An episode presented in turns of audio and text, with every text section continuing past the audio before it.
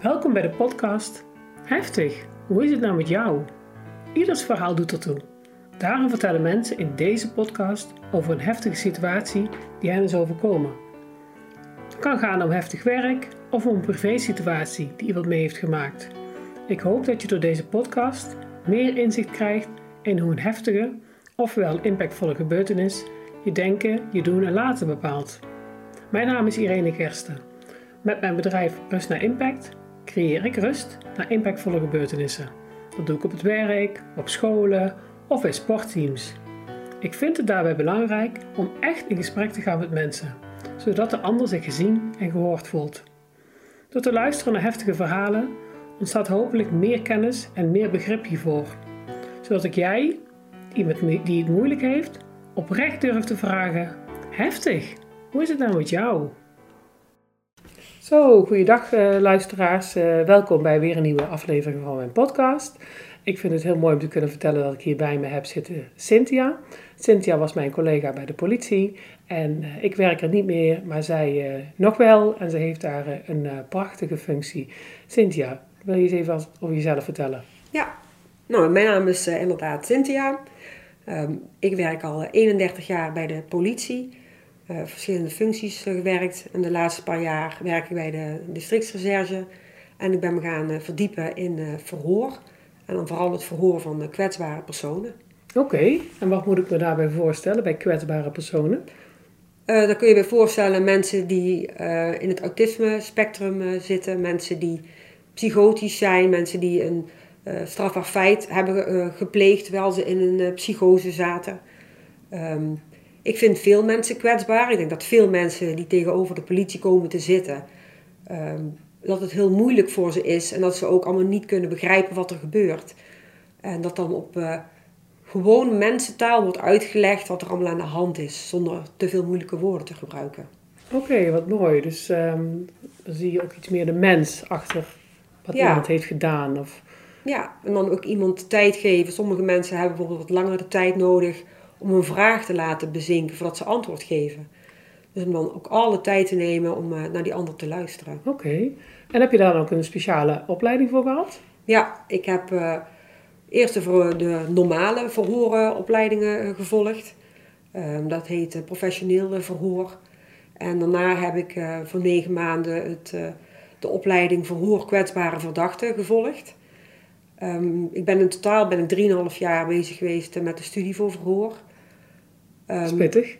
Dus, uh, maar wel de interessantste opleiding die ik, uh, die ik ooit heb mogen volgen. Oké. Okay. Maar vooral omdat ik voor mezelf ook echt interesse heb om, voor degene die tegenover mij zit. En dat iemand die doet iets om een bepaalde reden. En die reden is niet altijd goed te begrijpen. Uh, maar ik ben ervoor om die persoon de kans te geven om het te vertellen. En ik doe er ook gewoon echt wel naar luisteren zonder daar een oordeel over te hebben. Ja, want je werkt echt met situaties die super heftig zijn, hè? Met moord en dergelijke. Ja, maar bijvoorbeeld met een verdachte zijn die iemand heeft uh, vermoord. En uh, waar je dan uh, het eerste gesprek mee aangaat. Of eigenlijk is het dan het eerste verhoor. En dan is het gewoon...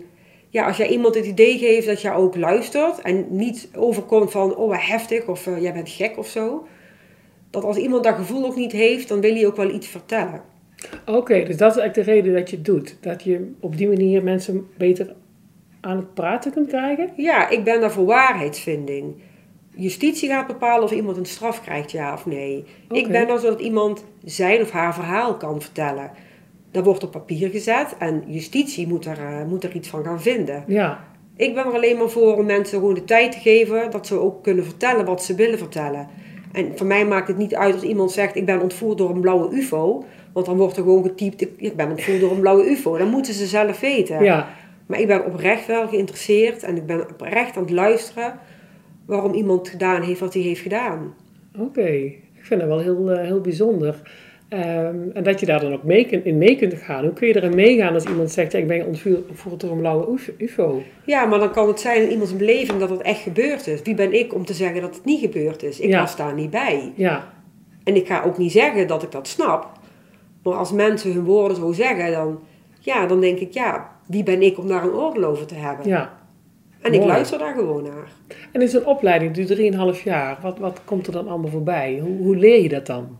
Ja, ik persoonlijk denk wel dat je rust en zo van jezelf al een beetje moet hebben. En dat je niet van natuur al over moet komen dat je iemand eh, al veroordeelt. Mhm.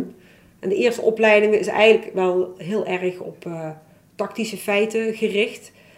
Dus wat heb je allemaal gevonden aan sporen waar je iemand mee kan eh, confronteren? Mhm. En de, mijn laatste opleiding is eigenlijk meer gericht op praat eens met mensen en leg het in normale taal uit. Vroeger zeiden we altijd Jip en Janneke taal.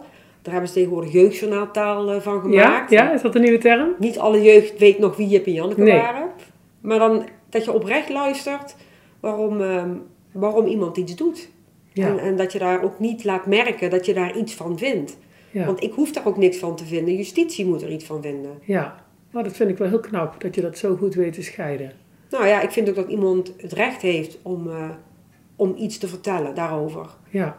En wie ben ik dan om dan te zeggen dat dat goed of fout is? Want dat moet justitie gaan bepalen.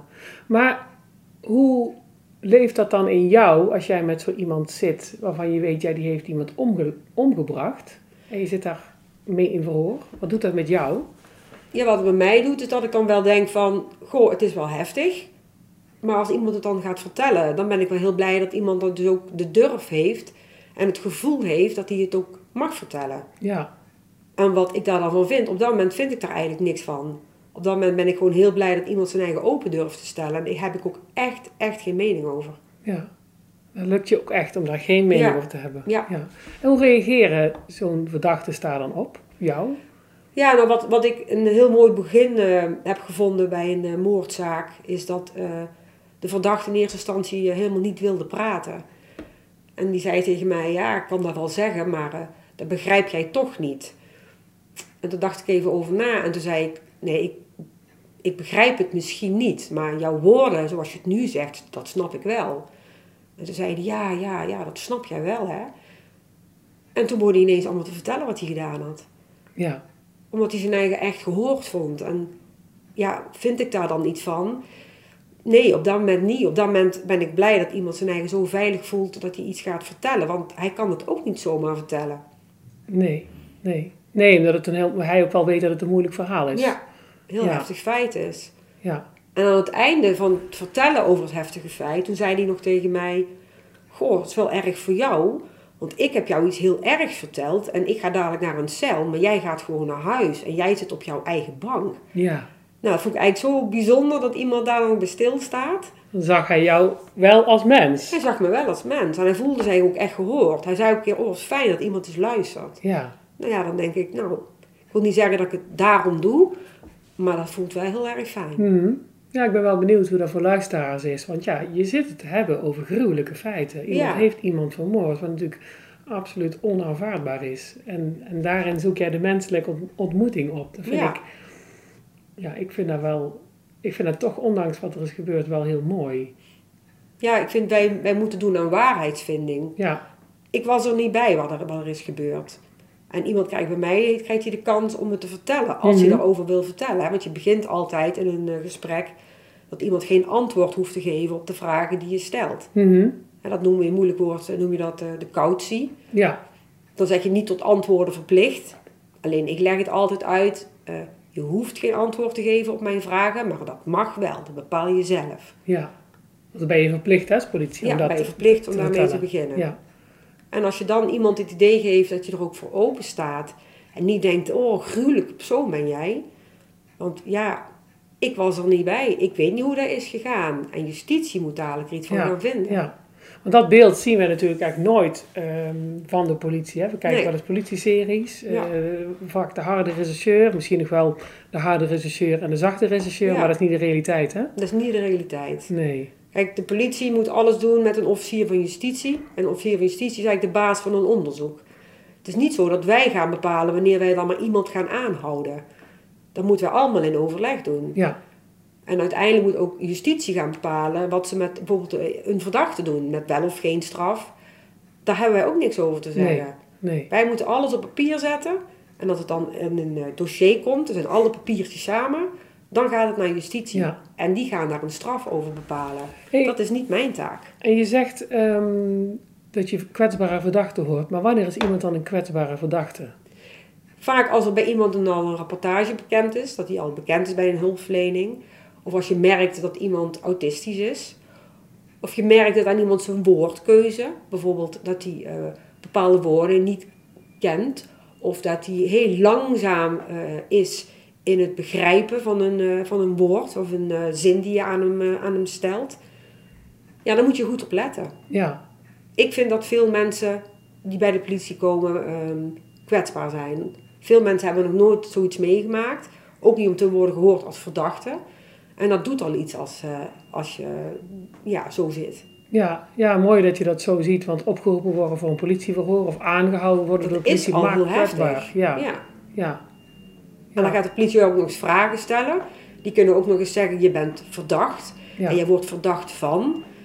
Ja, dan kun je vaak niet eens meer horen wat daarna nog wordt gezegd. Omdat dat al hele moeilijke woorden zijn en je het heel spannend vindt. Ja, dan krijg je een soort error in je hoofd. Ja, Ja, daar kan ik me ook wel iets bij voorstellen. ja.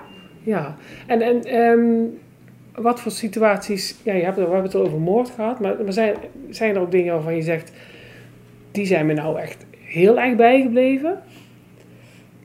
Ja, ehm, over een jongen die heeft een, ehm, een vuurwerkbom heeft hij gegooid eh, op een eh, parkeerterrein. En dat doet hij eigenlijk omdat hij al heel lang eh, hulp zoekt, maar er wordt niet naar hem geluisterd. En dan gooit hij uiteindelijk gooit hij een grote vuurwerkbom op een parkeerterrein, waarbij ook auto's raken beschadigd. En dan wordt hij aangehouden door de politie. En dat was eigenlijk alleen maar omdat hij, ja, hij wilde dat er eens een keer iemand naar hem luisterde. Ja, En er is niemand bij gewond geraakt. Hij zei ook nog, ik heb nog gekeken of er geen mensen liepen, dat er geen mensen waren.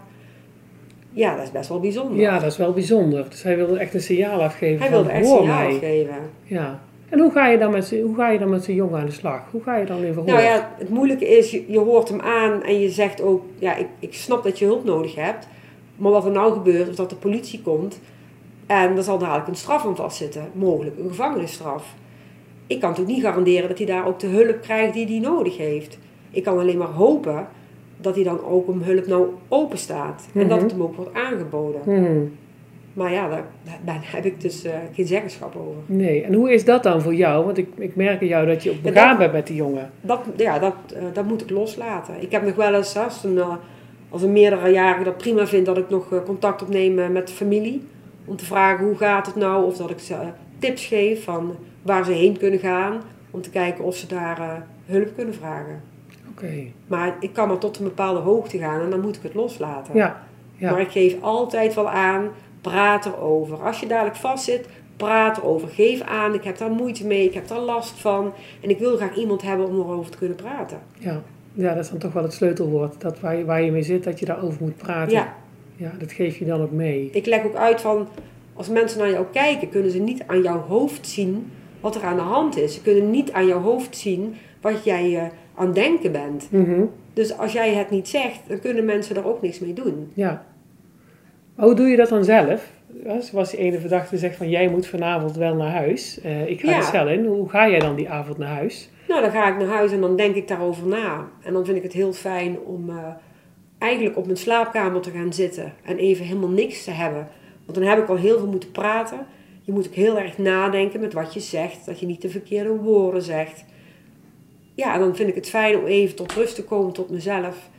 Maar dan heeft het mij wel een goed gevoel gegeven. Ja, Ik ben dan wel blij dat ik zo'n gesprek heb gehad. En ik vind het ook wel heel leerzaam. ja. Ik vind iemands brein ook wel super interessant. Ja. En niet ieder brein is hetzelfde. En je moet ook niet verwachten dat iedereen hetzelfde denkt zoals jij denkt. Hmm. Nee, dat is het eigenlijk per definitie. Hè? Ja. Mensen hebben ook iets gedaan wat heel ver van jezelf afstaat. Ja. Je bent om het leven brengen. Ja, En als de familie vraagt van, maar wij willen weten waarom. Dan zeg ik al, ja, maar op de waarom-vraag, ja, dan krijg jij niet altijd een passend antwoord. Want iemand kan wel zeggen waarom, maar dat is niet de waarom die jij wil horen. Hè, er is een moordzaak waarbij de verdachte zegt, ik heb haar gedood omdat het veel beter was voor haar. Want anders Hmm. was iets heel ergs met haar gebeurd. En dat is voor hem is dat echt een hele goede motivatie geweest. En daarom stond hij er ook achter dat hij haar heeft gedood. ja. Maar voor familie is dat natuurlijk niet te begrijpen. Nee. Nee, dat moet wel echt heel gek zijn dat iemand zegt dat is beter voor haar. Ja, maar dat is, zijn, dat is zijn waarheid. Ja, En daarmee kon hij verder. En hij heeft TBS gekregen, hij zal ook nooit meer vrijkomen. Maar het idee dat hij dus eigenlijk toen haar heeft geholpen, ja, dat helpt hem. Ja. Ja, en dat is heel raar te begrijpen voor Ja. ons. En hoe Ja. laat jij dat dan los als iemand zoiets gek zegt? Nou, dat ik eigenlijk, ik begrijp wel wat hij zegt. Alleen het is niet de waarom zoals wij normale mensen het willen horen. Nee. Maar dan heb je het al, wat zijn normale mensen? En wanneer ben je anders? Ja. En dat vind je ook heel interessant. Ja, Want je zegt, ik vind het ook leerzaam. ja. Wat vind je er leerzaam aan? Om te beseffen dat niet iedereen hetzelfde kan denken. Wat iemand zijn normen en waarden zijn, die zijn voor een ander, zijn die weer anders. Ehm, iemand die eh, autistisch is en alles spreekwoordelijk heel erg serieus neemt, dan kun je wel eh, tegen zeggen van, hè, het voorbeeld van, je moet schoon schip maken. Dat iemand dan helemaal kortsluiting in zijn hoofd krijgt, want die denkt, "Oh, ik moet nog met een heel klein doekje een heel schip gaan poetsen.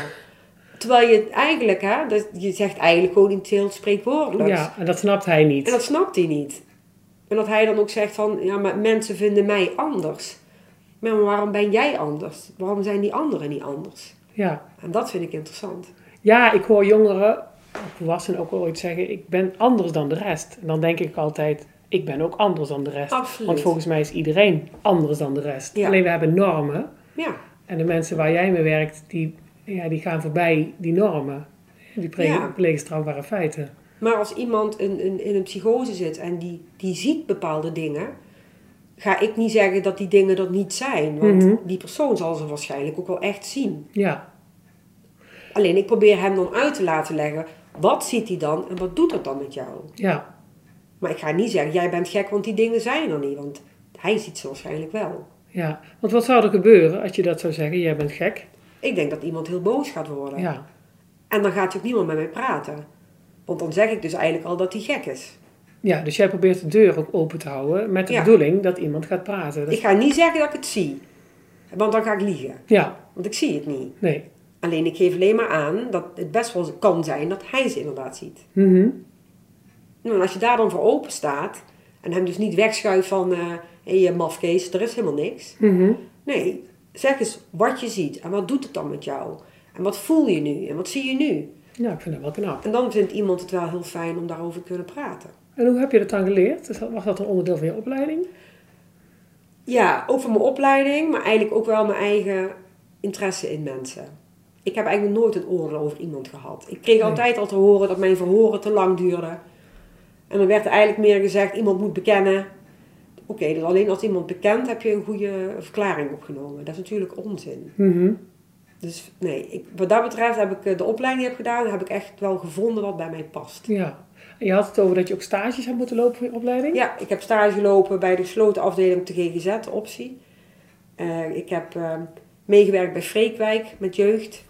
Ik heb bij Begeleid Wonend heb ik, heb ik meegelopen. Ja, dat zijn allemaal verschillende takken van personen. Ja. Maar wel allemaal personen ja, met een eigen verhaal. GGZ zijn volwassenen. GGZ zijn volwassenen. Er zaten mensen die waren daar geplaatst. Bijvoorbeeld met een rechtelijke machtiging. Dat iemand van de justitie heeft gezegd... Nou, het gaat niet zo goed voor jou. Jij moet daar maar eens een tijdje blijven. Ja, dan word je ook onder, onder medicatie. Gaan ze kijken dat je die ook inneemt. Ja, wat, wat ik daar jammer vond... is dat mensen dan niet kunnen praten wanneer het ze uitkomt. Dan wordt dan wel gezegd... Oh, even kijken. Nou, woensdagmiddag eh, is jouw eh, beurt weer. Ja, ik vind eh, als iemand wil praten... iemand die echt problemen heeft en die wil praten... moet je hem ook die tijd geven om te kunnen praten. Oké, en daarom loop je jouw verhoor uit. En daarom lopen mijn verhoren uit. Ja, maar ik, nou, ik kan me ook voorstellen dat je zo'n verhoor plant, dat dat misschien niet altijd het moment voor de verdachte is. Nee, dat klopt. En dan, kan ik, dan durf ik ook op zo'n moment wel te zeggen van... ik denk dat we nu niet verder moeten gaan. Of als ik merk dat het voor iemand te veel wordt. Dat hij moe wordt. Dat hij rond gaat kijken. Of dat hij dan maar antwoord gaat geven om er vanaf te zijn. Ja, Dan stop ik het verhoor. En dan kan ik altijd nog zeggen... we gaan morgen of een andere dag gaan we verder. Ja, en die ruimte heb je ook, die mogelijkheid heb je ook. Ja, die, en anders dan, dan moeten ze iemand anders zoeken die het doet. Ja, ja. Maar ik ga niet doorzetten als ik merk dat het niet aankomt bij de ander. Nou, dat hoef je dus ook niet. Nee. Die regie kun je nemen. Ja, Maar ik neem aan dat je een verhoor niet alleen doet. ik doe het liefst een verhoor alleen. Ja? Ook van zo'n zo'n verdachte die iemand heeft vermoord? Ja, Oké. Ik heb wel dat een collega met mij meegaat eh, of die langs mij zit, die typt. Eh, de meeste van dat soort verhoor wordt opgenomen. Dus zowel het beeld als het geluid wordt opgenomen. Dus je kunt ook beslissen dat je het later uitwerkt. Oké. Het ligt er ook een beetje aan of je kunt typen. Want als iemand langs mij zit en die begint te typen, dan hoor je tikgeluiden. Ja? Het kan zijn dat het voor die verdachte heel erg storend is en dat dat heel vervelend wordt en dat hij alleen nog maar dat hoort. Oh ja, zeker als autisme speelt bijvoorbeeld? Oké. Dus dan ga je ook niet typen op dat moment. Mhm. Dan kan er iemand in een regieruimte zitten, dat is een aparte ruimte. Die kan dan kijken in de ruimte waar ik zit. En die kan bijvoorbeeld alvast met aantekeningen meeschrijven. Mhm. Dus het ligt er maar net aan. Oké. Dat probeer je in te schatten als je met die persoon aan het praten bent. Ik, ik kan me dat zo voorstellen. We vinden als maatschappij nog wel eens dat er soft omgegaan wordt met verdachten. Mhm. Ik kan me zomaar voorstellen dat luisteraars dat nu ook denken. Van Mhm. ja, kom op, je hebt iemand eh, vermoord. En nu wordt er ontzettend veel rekening met jou gehouden. Ja, Als ik goed naar jou luister, zeg jij ook... Dat doe ik om die persoon aan het praten te krijgen... en de waarheidsvinding boven water te Ja. krijgen. Of zijn er nog andere overwegingen? Waar, het is waarheidsvinding. Wij doen dan waarheidsvinding. Mhm. Een eh, verdachte mag ten alle tijde een verklaring intrekken als hij dat wil. Als een verdachte gewoon maar ergens antwoord op gaat geven om er maar vanaf te zijn, ja, wat, wat, wat heb je dan bereikt? Ja, heb je ook niks. En ik vind het wel belangrijk dat iemand wel de kans krijgt om te vertellen wat erachter zit. Mhm. En wat justitie daar dan mee doet, dat weet ik niet. Mhm. Maar bijvoorbeeld je mond houden en dan maar gaan zeggen: ik zit op mijn zwijgrecht. Ja, daar gaat justitie tegenwoordig niet meer zo makkelijk in mee. Want die kan zeggen: jij hebt jouw kans gehad om iets te vertellen. Mhm. Maar veel mensen vinden het moeilijk om het te vertellen, want die denken: ja, dat snappen ze toch niet. En daar wil ik nou juist van af. Iedereen Ja. heeft een kant van het verhaal. En of dat nou goed of slecht is, iedereen heeft een bepaald iets meegemaakt waardoor hij doet wat hij doet. Ja. En ik luister daar graag naar. En ik heb er ook echt geen oordeel over. En nogmaals, justitie bepaalt een straf. Mhm. En niet ik. In jouw omgeving, vrienden, familie, jouw kinderen, eh, die weten wat voor werk jij doet? Ja, maar ik vertel meestal niet met welke zaken ik, eh, Dat mag je natuurlijk niet vertellen. ben. Nee, maar het is ook niet uit te leggen. Nee. Het, het klinkt heel raar als ik eh, ga zeggen van... Nou, ik heb met de moordenaar in verhoor gezeten. Super interessante man. Ik vond het echt een heel pintere man. Ja, dat kan ik wel vinden. Maar dat, dat, dat kun je niet aan de buitenwereld uitleggen. Maar voel je je daar dan soms niet alleen in? Nee, absoluut niet. Nee, want? Nee. Omdat het mij goed doet. Ik ben dan blij als iemand mij het gevoel heeft gegeven dat hij naar mij kon luisteren. En daar gaat het mij om. Ja, dus daar haal jij je voldoening uit. Daar haal ik zelfs mijn energie uit. Ja. Ja, ja je zit het ook super Ja. bevlogen te vertellen. Ja. Prachtig. Ik heb daar echt mijn dingen in gevonden. Mhm. En de mensen hebben ook een verhaal te vertellen. En hoe heftig is het? Kijk, je kunt nooit zeggen van waarom doet iemand dat? Dat, dat is raar. Ja, soms, ja, dat is ook raar. Maar waarom doet die persoon dat? Ja, en dan denk ik, ja, als je daar gewoon open en eerlijk naar luistert, ja, dan vind ik het geweldig als iemand er ook iets over gaat vertellen. Ja, luisteren zonder oordeel. Precies. Ja, ja, ja. ja. Zijn er ook zo dingen waarvan je zegt, die zou ik eigenlijk wel eens wel willen vertellen, maar dat, komt er nooit van? Of er is nooit de ruimte voor, wat ik er nog van vind? Of vind je dat je daar voldoende gedaan hebt? Ja, in mijn verhoren wel, maar daarna stopt het voor mij. En ik hoop dan ook dat iemand de juiste hulp gaat krijgen. Mhm. Bijvoorbeeld hè, als er uiteindelijk een eh, gevangenisstraf eh, na een uitspraak uitkomt, dan ben ik nog steeds wel benieuwd hoe het met die persoon is. Mhm. En of die ook de juiste hulp krijgt. En ik weet niet hoe het over een jaar met die persoon gaat. En persoonlijk zou ik dat best wel willen weten. Maar ja, het zou raar zijn als ik eh, in mijn functie dan nog gevangenissen afga om, eh, om iemand op te zoeken van hoe, hoe, ja, hoe is het nou met jou? Ja, ja. ja is, maar ik zou het wel persoonlijk best wel willen weten. En dan hoor je, hoor je al op een andere manier ooit iets terug? Nee. En zeker niet als iemand een langere gevangenisstraf krijgt. Nee. Want daarna dan, is, ja, dan staat de volgende er alweer. Ja, we zijn jaren collega's geweest en ik weet inderdaad ook wel van mijn jaren bij de politie dat ik met sommige situaties me nu nog wel eens afvraag van, zou dat nog ooit goed zijn Ja. gekomen? Is hij nog ooit vrijgekomen? Ja. Ik heb ook eh, daders van, van moorden eh, verhoord en toen was het nog niet zo een speciale afdeling als bij, hè, waar je nu in zit. Maar ja, ja en, en soms eh, komt het terug dat je denkt, hé, hoe zou het daar nou zijn? En dan ben je het ook alweer vergeten. Dus Ja. ik kan me er wel iets bij voorstellen. Maar ik geef ze wel heel vaak aan van, die komt hè, want als jij nog eh, in het strafproces zit, dan zit je in het huis van bewaring. En op het moment dat jij een straf hebt gekregen van justitie, dan ga je naar de gevangenis. Oké, En ik geef ze wel heel vaak aan, als er iets is, zeg het. Hè, als jij vindt dat iets niet goed gaat, of je krijgt stemmen in je hoofd, of je gaat boos worden, vertel het dan. Dat doe ik ook in mijn verhoor. Want dan vraag ik, wat kan ik nou aan jou zien als jij onrustig begint te worden? Of als het voor jou te veel wordt in je Mhm. hoofd. Wat kan ik dan aan jou zien? En dan kan ik soms afspraken met iemand maken. Dat hij dan bijvoorbeeld, dan heb ik kaartjes op tafel liggen. En dan, dat hij dan bijvoorbeeld een rood kaartje naar voren legt. En Oh ja? dan geeft hij aan, het wordt me te veel. Ik heb in eh, mijn tas ook meestal een eh, tangle teaser zitten. Dat is een soort wormpje, daar kun je mee blijven spelen. Ja, Sommige mensen vinden het fijn om iets in zijn handen te hebben. oké. Ik had op een gegeven moment een, een jongen in verhoor en die, ging, eh, die had van mij een bekertje water gehad. Die ging dat bekertje helemaal in stukjes maken. Nou ja, dan denk ik, hij, hij moet iets te frommelen hebben. Ja, Dus nou heb ik voortaan zo'n ding in mijn tas zitten en dat hebben ze in hun handen. En dan zitten ze gewoon een beetje mee te spelen. dan geef je hem dan. En dat geef ik hem dan. Ja. Meestal leg ik het gewoon op tafel. Zeg ik niet van, kijk wat hier ligt. Maar ik leg het gewoon neer. En als iemand dan denkt van, hé, hey, dan pakt hij het zelf wel. Ja. Zonder dat ik zeg van, kijk nou wat Is er iets wat je dan zelf hebt bedacht? Ik heb het al langer in mijn tas zitten. En toen ik de VKV-opleiding eh, deed, werd ook daar geleerd van eh, zorg dat je erbij hebt. Oh ja, de VKV staat voor verhoor. Voor kwetsbare verdachten. Ja, ja, ja. En ook kleurtjes. Dat iemand wil kleuren. Ik heb met een autistische jongen in de verhoor gezeten en ik zat in de studio. En dat is best wel een grote ruimte. Maar die jongen die wilde even lopen en, en staan. En toen had ik post-it briefjes op de grond gelegd. En had ik gezegd, nou mag je tot hier mag jij komen. Mag je hier niet overheen. Nou, en dan, dan- ja, dat, ja, dat werkte echt gewoon eh, prachtig. Ja, En dan zei hij dan iedere keer, dit mag wel hè, en, en dit mag van mij niet hè. Maar voor mij maakt het niet uit. Als hij dan maar mee praten en Ja. daarmee het gevoel krijgt van, oh ik ben niet vastgebonden op een stoel.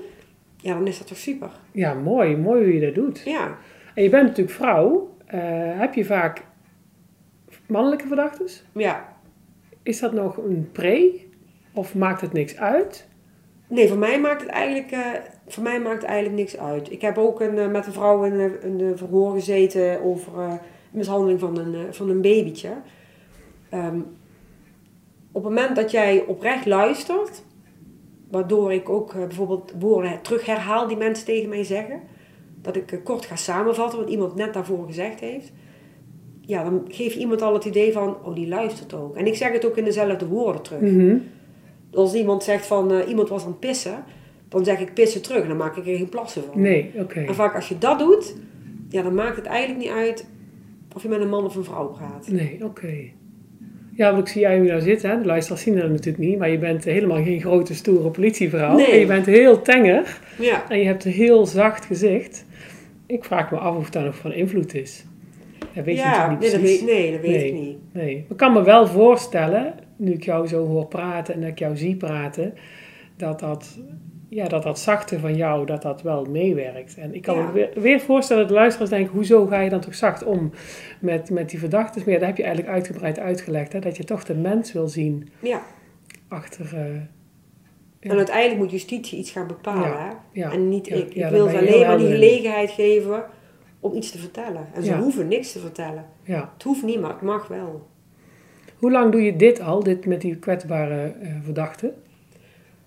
Dat doe ik, eh mijn verhoren doe ik denk ik nou al een jaar of acht. Ja, eigenlijk al 31 jaar hè. Ja, Want je doet altijd al verhoren binnen Ja. de politie.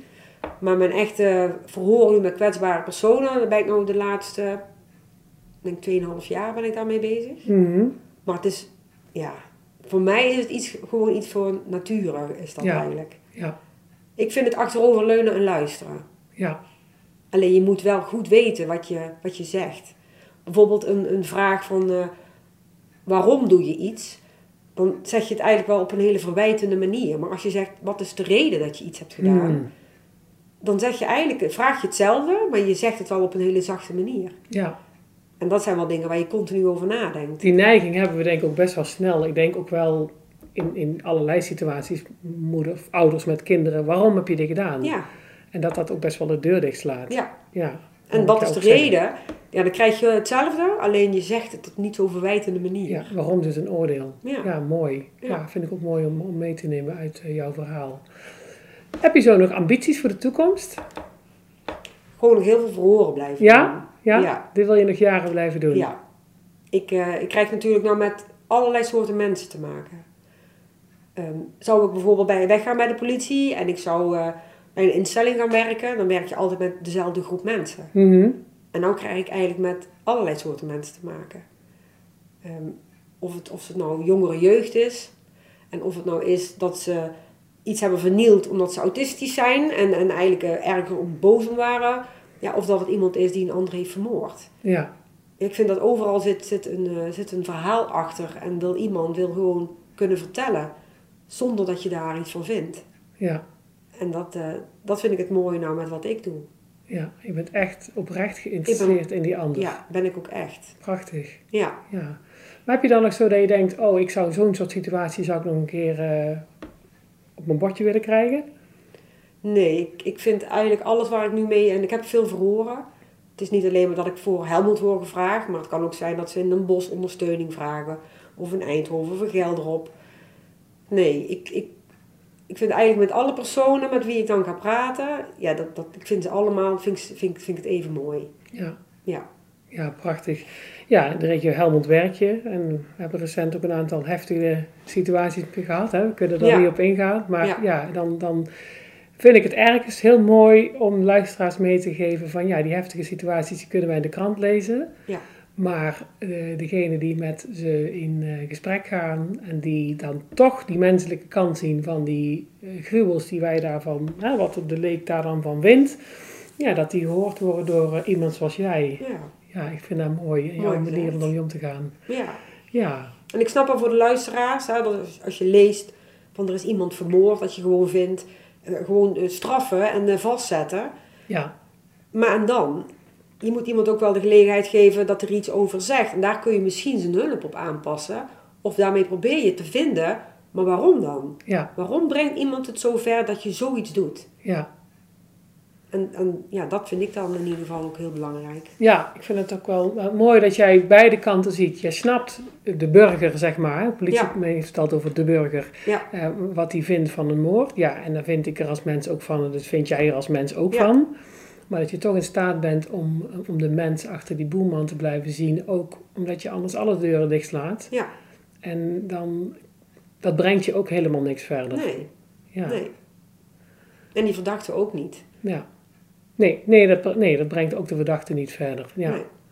Mooi. Ik denk ehm, dat dit een hele mooie afsluiter Ja. is van deze prachtige podcast. Ik, Ja. eh, ik heb groot respect eh, voor jouw werk. Nou, lief. Ja, ja. Ja, ik praat met ontzettend veel passie over, eh, over het werk wat ik doe. ja. Is er nog iets wat je luisteraar mee wil geven of wat je kwijt wil? Nee, gewoon als je iets hoort of leest, het is heel makkelijk om daar eh, iets van te vinden. Maar soms mag je wel even wat langer nadenken van, ja, het kan ook wel heel heftig zijn. Dan moet je je voorstellen hoe het is voor familieleden Ja, die dan achterblijven. ja. Ja, En dan is het wel fijn als je daarna aan de familie iets kan laten weten. En ik zeg al, de waarom-vraag wordt niet altijd op een goede manier beantwoord. Maar het is beter dan geen antwoord. ja, ja. Ja, dat is een mooie afsluiter Ja. eh, van deze mooie podcast. Althans, dat denk ik. Ja, ik hoop het ook. Dankjewel. Dankjewel, ja, jij ook. Dankjewel Cynthia. Ja, dankjewel, en eh, heel veel eh, succes met jouw prachtige, hele bijzondere werk. En heftig, hoe is het nou met jou? Ja, die vraag heb ik wel beantwoord gekregen. Je haalt heel Ja. veel bevlogenheid uit heftig werk. En eh je zit eh, heel gezond eh, in jouw werk. En volgens mij Absoluut. kun je dat nog jaren prachtig blijven doen. Oké, dankjewel. Dankjewel. Dankjewel voor het luisteren naar mijn podcast. Ik waardeer het als je de podcast deelt met anderen of dat je een review schrijft, zodat deze podcast meer bekendheid krijgt. Ik kan me ook voorstellen dat je de podcast wil gebruiken voor een les of een school of iets dergelijks. Ik vind het superleuk als je me dat dan laat weten. Het kan altijd via mijn site www.rustnaimpact.nl. Hopelijk tot de volgende keer.